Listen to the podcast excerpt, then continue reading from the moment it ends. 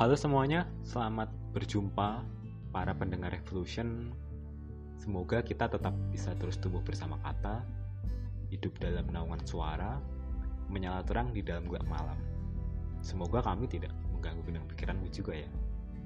Baik, hari ini kita akan mengulas salah satu film yang sebenarnya bukan film yang baru.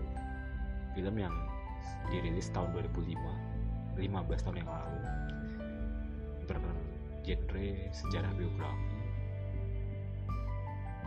yang menceritakan salah satu sosok aktivis mahasiswa tahun 1960. Ia adalah ia adalah Suhoki.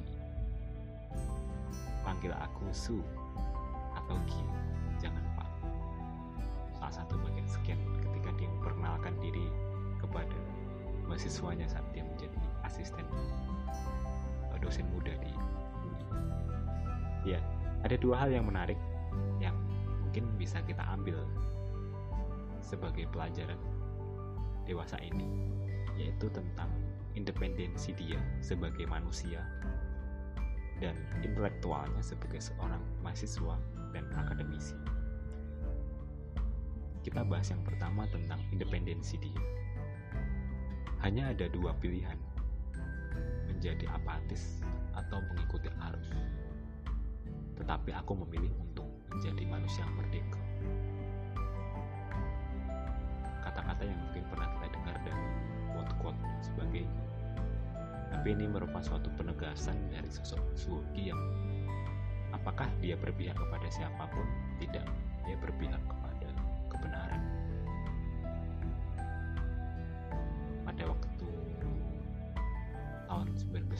1960-an tentu pada masa di mana kondisi sosial politik yang sangat belum stabil.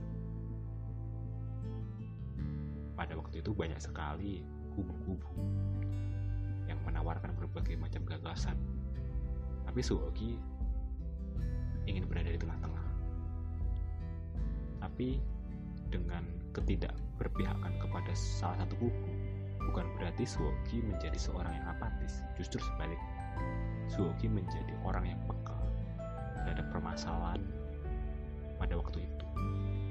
Terlihat itu sejak kecil ketika di bagian Suhoki membela temannya Han dari uh, pukulan kemarahan dari ibu ibu dari temannya Han itu dia membela dan ketika Gi melihat gelandangan yang mencari-cari makan dia dengan sigap ngasih uang ini merupakan bukti kalau dia sebenarnya memiliki kepekaan terhadap lingkungan dan keadaan pada waktu itu yang uh, berkecamuk di dalam pikirannya dia. Dia berpihak kepada siapa pada waktu pertanyaan? Ya dia berpihak kepada yang benar, berpihak kepada keadilan. Apa yang lebih puitis daripada bicara keadilan? Gitu katanya. Pernah suatu ketika ada dua pertanyaan yang dilontarkan kepada dua temannya. Temannya bertanya, si Han bertanya, kenapa sih Gi? Kamu terus melawan gitu. Gi jawab, apa yang kita dapat saat ini, apa yang kita peroleh saat ini, itu berasal dari perjuangan.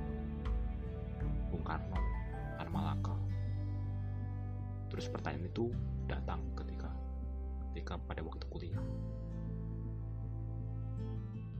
Apa sih Gi?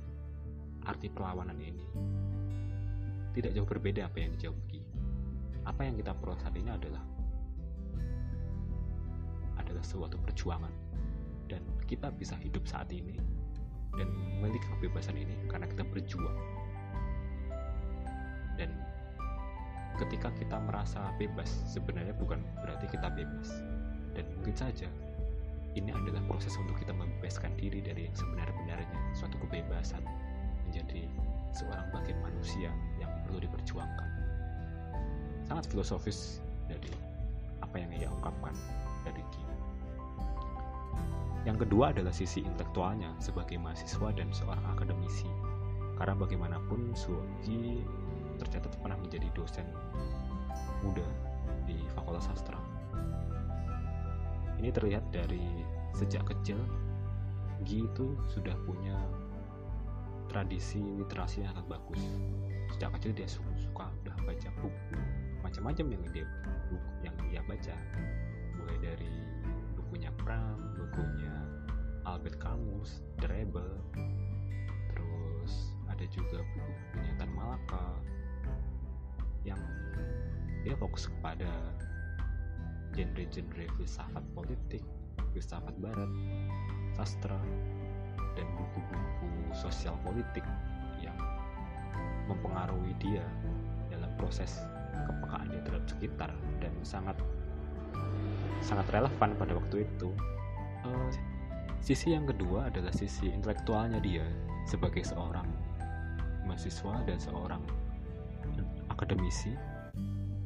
Ketika kecil dia sudah sangat dekat dengan dengan dunia literasi buku sangat dekat babanya seorang penyair jadi tidak heran kalau mungkin kepekaan dia terhadap suka membaca buku kehidupan dengan dekat kedekatan dengan dunia literasi jadi sudah tertanam sejak kecil gitu buku-buku seperti bukunya Pramudia panggil saja Kartini Madilog dan Malaka The berontakan karya Albert Camus.